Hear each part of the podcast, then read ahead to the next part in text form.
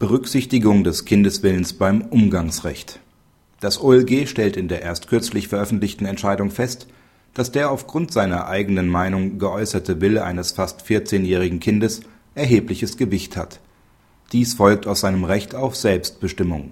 Der Wille, mit dem umgangsberechtigten Elternteil auch keinen begleiteten Umgang mehr zu pflegen, kann im Einzelfall auch einen längerfristigen Umgangsausschluss rechtfertigen aus der Beziehung der nicht miteinander verheirateten Eltern ist im Jahr 1997 ein Sohn hervorgegangen.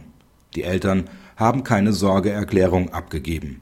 1999 hat das Amtsgericht der Kindesmutter das Aufenthaltsbestimmungsrecht entzogen und auf das Jugendamt als Pfleger übertragen, weil die Mutter unter einer paranoiden Schizophrenie leidet und eine Behandlungsnotwendigkeit mangels Krankheitseinsicht nicht erkennt Seit 1998 lebt der Sohn mit Zustimmung des Jugendamts beim Vater. In mehreren Anhörungen berichtete der Sohn von für ihn erheblichen Belastungen während der Umgangskontakte mit seiner Mutter. Er brachte dabei immer wieder klar zum Ausdruck, dass er keinen Kontakt mehr zu seiner Mutter wollte. Im Februar 2010 beantragt der Vater, die Umgangskontakte des Sohnes mit seiner Mutter auszusetzen das Amtsgericht hat mit Beschluss vom 17.03.2010 das Umgangsrecht der Mutter für die Dauer von zwei Jahren ausgeschlossen. Mit ihrer Beschwerde beantragt die Mutter, den Umgang lediglich für die Dauer von sechs Monaten zu begrenzen. Ihr Rechtsmittel hat keinen Erfolg. Der auf der Grundlage von § 1684 Absatz 4 Satz 2 BGB angeordnete Umgangsausschluss hat sowohl dem Grunde nach als auch hinsichtlich der vom Amtsgericht erkannten Ausschlussfrist von zwei Jahren Bestand können sich die Eltern über die Ausübung des Umgangsrechts nicht einigen, haben die Gerichte eine Entscheidung zu treffen, die sowohl die beiderseitigen Grundrechtspositionen der Eltern als auch das Wohl des Kindes und dessen Individualität als Grundrechtsträger berücksichtigt. Eine Einschränkung oder ein Ausschluss des unter dem Schutz des Artikel 6 Absatz 2 Satz 1 Grundgesetz stehenden Umgangsrechts ist nur veranlasst, wenn nach den Umständen des Einzelfalls der Schutz des Kindes dies erfordert um eine Gefährdung seiner seelischen oder körperlichen Entwicklung abzuwehren.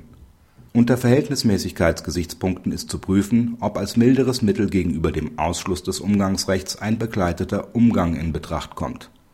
Ein vom Kind aufgrund seines persönlichen Empfindens und seiner eigenen Meinung geäußerter Wille muss als Ausübung seines Rechts auf Selbstbestimmung bei der gerichtlichen Entscheidung hinreichend Berücksichtigung finden im Fall der ernsthaft geäußerten Ablehnungshaltung des fast 14-jährigen Sohnes, die durch das OLG aufgrund der richterlichen Anhörung auch leicht nachvollziehbar ist, wird ein erzwungener Umgang regelmäßig zu einem größeren Schaden als Nutzen für die Entwicklung des Sohnes führen, zumal dadurch auch sein Wille gebrochen werden würde.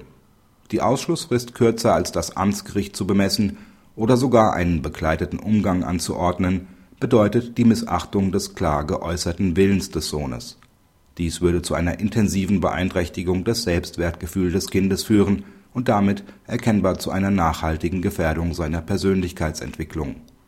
Praxishinweis In dieser Entscheidung weist das OLG zudem darauf hin, dass das Amtsgericht die Mutter nach § 89 Absatz 2 FamFG auf die Folgen einer Zuwiderhandlung gegen den angefochtenen Beschluss hätte hinweisen müssen, denn diese Hinweispflicht erfasst auch negative Umgangsregelungen wie einen Umgangsausschluss